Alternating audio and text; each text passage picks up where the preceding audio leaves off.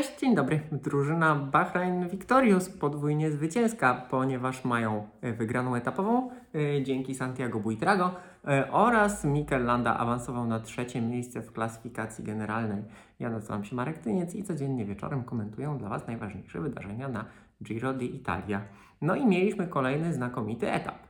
E, Naprawdę to Giro dostarcza, zresztą tak jak Giro co roku.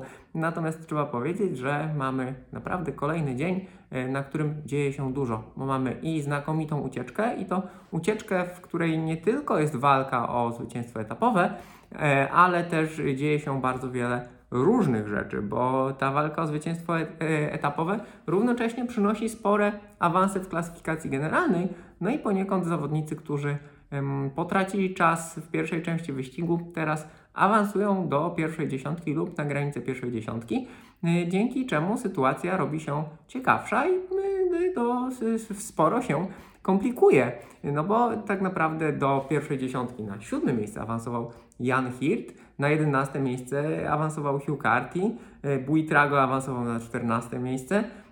Owszem, to są duże straty w klasyfikacji generalnej, ale taka konsekwencja w tych ucieczkach, nawet jeżeli nie wszyscy e, osiągają sukces na mecie, no przynosi, przynosi sporo, y, sporo zamieszania. I na ostatnich etapach y, gdzie no, chętnych do ugrania czegoś w tym wyścigu będzie zdecydowanie więcej, e, jeszcze więcej, o ile oczywiście będą mieli siły, no to wszystko spowoduje, że tam będzie tak wiele interesów y, różnych, że rywalizacja, bardzo wyrównana rywalizacja w klasyfikacji generalnej o zwycięstwo w całym wyścigu będzie dodatkowo utrudniona i bardziej emocjonująca. Sam Buitrago y, oczywiście z ucieczki dnia, natomiast no, wy, wywalczył sobie to, wydarł, atakując kolejnych zawodników, wyprzedzając kolejnych y, zawodników. y, Najbardziej y, niepocieszony jest y, Lemerajze y, z Jumbo-Visma, który no, był blisko, był blisko wygranej, ale w końcówce ostatniego podjazdu Buitrago go wyprzedził. Y, Nie dali rady Hirt i Carty, ale trzecie i czwarte miejsce na etapie.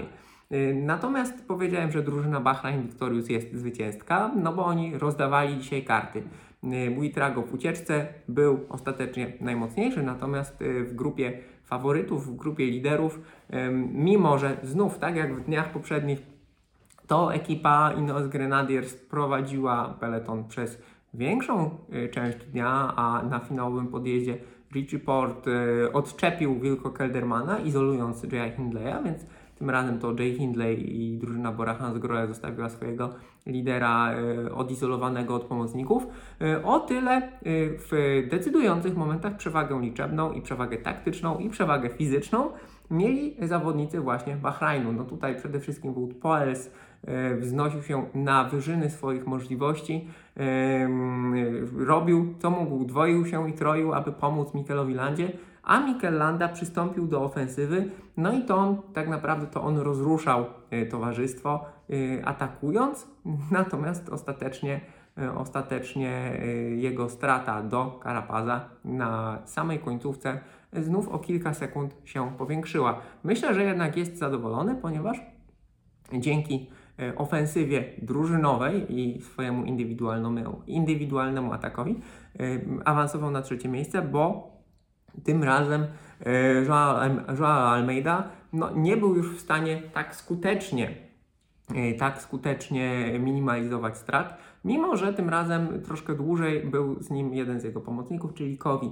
Zobaczymy, jak to wszystko będzie wyglądało. Almeida wciąż nie ma dużej straty w klasyfikacji generalnej, no bo e, do Karapaza traci minutę 54, a do Landy zaledwie 49 sekund, więc to wciąż jest niedużo, no ale ewidentnie wygląda na to, że Almeida e, nie jest e, póki co fizycznie na tym poziomie, co właśnie najmocniejszych trzech kolarzy tego Giro d'Italia. I to jest bardzo ciekawa sytuacja, ponieważ dawno nie było tak, abyśmy mieli tak szerokie grono, tak równych zawodników, no bo Carapaz, Hindley i Landa są sobie równi na podjazdach, obojętne czy na krótkich podjazdach, czy na długich podjazdach, czy na podjazdach w środku etapu, czy na podjazdach finałowych. Póki co są sobie równi, żaden z nich nie jest w stanie mm, uzyskać przewagi, mimo że próbują różnych rozwiązań, próbują e, ataków ponawianych, jednych, em, próbują pomocy, mm, rozwiązań z pomocnikami wysłanymi do przodu, którzy potem czekają, próbują nadawania em, tempa przez pociąg kolegów z drużyny. To wszystko wygląda naprawdę bardzo ciekawe. No i aż żal, że nie mamy tutaj jeszcze przynajmniej jednego, dwóch rywali na tym samym poziomie, tak jak oglądaliśmy to na Blockhouse. Byłaby to sytuacja naprawdę w ostatnich latach bezprecedensowa.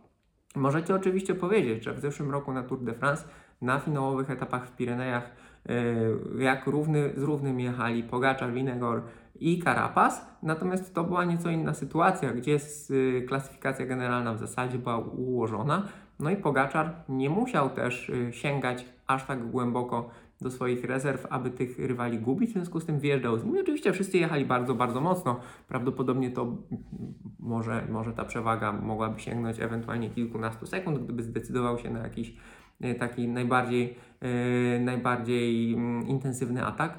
Natomiast co do zasady, e, tutaj od początku wyścigu e, ci kolarze, którzy rywalizują, pierwszych trzech kolarzy rywalizujących w, klasyfikacji generalnej, e, jest na tym samym poziomie. To jest naprawdę wyjątkowe. Co więcej, mają drużyny na zbliżonym poziomie, e, ponieważ na, podczas, tak jak powiedziałem kilka chwil wcześniej, na kolejnych etapach na zmiany w zasadzie próbują różnych rozwiązań i szachują swoich rywali. Y, No i to jest tak naprawdę y, bardzo ciekawe i y, rzadko się zdarza, bo do tej pory mm, tak naprawdę na wielkich turach zazwyczaj albo drużyna Ineos Grenadiers, albo drużyna Jumbo Visma była w stanie nadawać ton rywalizacji, a tymczasem właśnie, a tego dnia lżejszy robi Bora, drugiego dnia pod bardzo dużą presją stawia rywali Bahrain, a z kolei a z kolei przez dużą część czasu, mimo wszystko w swoim stylu, peloton prowadzi y, drużyna lidera. Y, Więc wygląda to naprawdę intrygująco. Jest to pewna nowość, przynajmniej nowość w ostatnich latach na wielkich turach. Jeżeli chodzi o tempo, to to tempo y, no, nie jest atomowe, jeżeli by wyizolować mm, każdy z podjazdów. Natomiast no, pamiętajcie o tej kumulacji trudności i o tym, że zawodnicy naprawdę mają bardzo dużo przewyższenia w nogach, tego przewyższenia dużo zdobywają każdego dnia, a ten dzisiejszy, y, dzisiejszy finałowy podjazd, y, czyli Menador, był naprawdę y, bardzo selektywny, no co widać było po zarówno rywalizacji w ucieczce, jak i rywalizacji w grupie, w grupie lidera, którzy w zasadzie cały ten podjazd pokonali no, sami, nie licząc tego towarzystwa Polsa dla e, Landy. Mm, No i co jeszcze? No i mieliśmy dzisiaj kolejny pokaz y, jakiegoś dzi- dziwnego zamysłu Matthew Van Der Poola. Y, Słuchajcie, no on planuje jechać Tour de France. Ja jestem bardzo ciekawy, jak po tak agresywnie przejechanym Giro, jak ten gość zamierza walczyć o zieloną koszulkę Tour de France, bo chyba to jest jego cel, wygranie klasyfikacji punktowej, bo on tutaj naprawdę każdego dnia zostawia całą masę energii. Teraz no, pokusił się o próbę wygrania naprawdę górskiego, wysokogórskiego etapu. Yy, No co poniekąd było skazane na porażkę, ale z jednej strony brawa za wytrwałość i za podejmowanie prób, z drugiej kurczę, ja tego nie rozumiem. E, Także moi drodzy, to by było, e, to by było na tyle.